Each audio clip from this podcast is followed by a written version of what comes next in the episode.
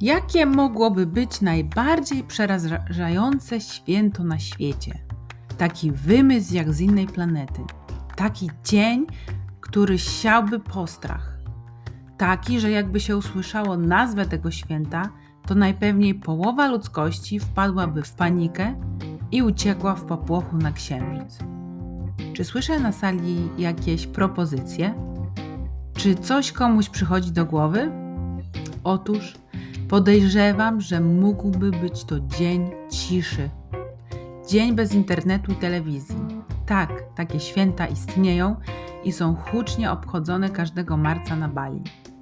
No i tak jak śliwka w ten kompot, lub jak kto woli gówno, to my wpadliśmy po same uszy w środek tych obchodów. Bez internetu, bez telewizji i bez wychodzenia z domu, znaczy się hotelu. Przyznam się, że wzbudziło to we mnie niemały popłoch. No i co teraz? Co się robiło, jak nie było komórek, to jeszcze pamiętam, ale czasy bez telewizji to prehistoria. No i magiczna rzecz się stała. Z braku laku zaczęliśmy rozmawiać z obcymi ludźmi.